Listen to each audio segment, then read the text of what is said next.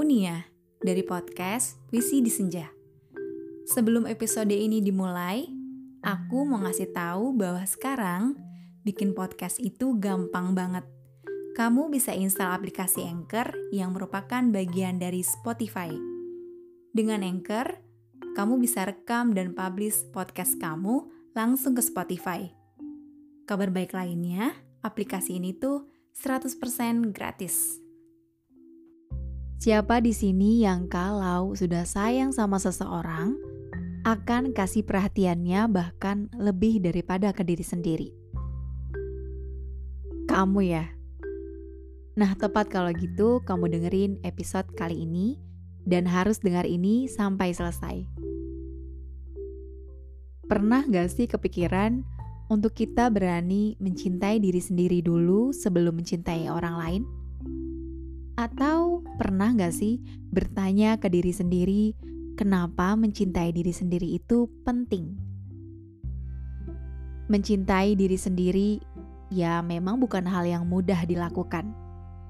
Banyak dari kita yang memiliki pandangan buruk tentang dirinya sendiri dan merasa tidak puas dengan bagaimana kita melihat diri kita sendiri.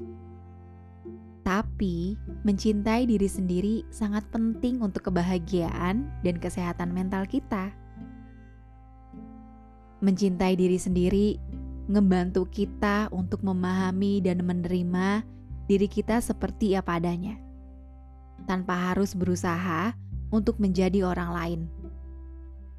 Dan ini juga bisa ngebantu kita untuk membuat pilihan-pilihan yang baik dan menjalani hidup yang lebih bahagia. Yang harus kita sadari adalah kita tidak bisa membahagiakan semua orang dan memenuhi semua ekspektasi mereka. Atau tidak semua orang menyukai diri kita dan itu baik-baik aja. Itu hal yang tidak perlu kita jadikan beban atau menjadi keras dengan diri sendiri ketika kita merasa tidak memenuhi standar orang lain atau harapan kita sendiri. Belajarlah mencintai diri sendiri dan kamu bisa kok mulai dari hal-hal kecil. Seperti memberi diri kita waktu dan perhatian yang layak. Melakukan hal-hal yang menyenangkan dan memperlakukan diri kita dengan lembut dan baik. Aku kasih beberapa cara untuk kita mulai coba mencintai diri sendiri dari hal-hal kecil. Pertama, memberikan diri kita waktu.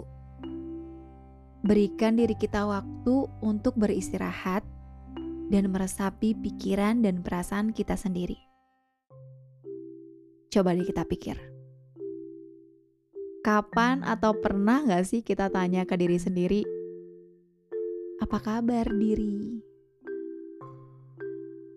Kedua, melakukan hal-hal yang menyenangkan cari aktivitas yang menyenangkan dan luangkan waktu untuk melakukannya.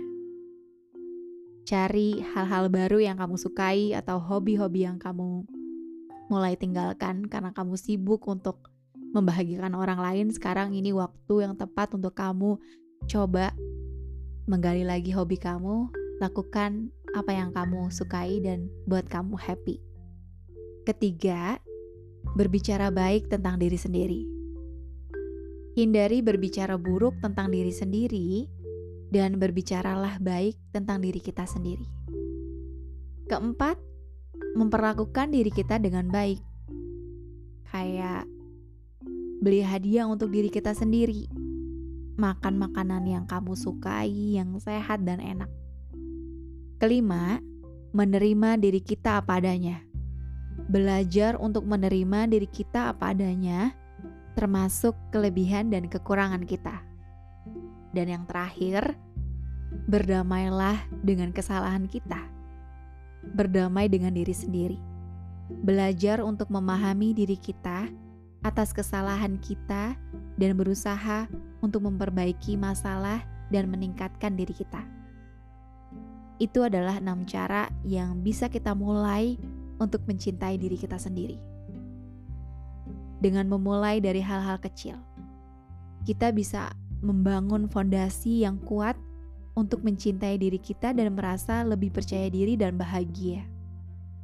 Tidak selamanya kita bisa menjadi obat untuk orang lain, tapi cobalah mulai hari ini belajar mencintai diri sendiri dulu. Selamat berbahagia!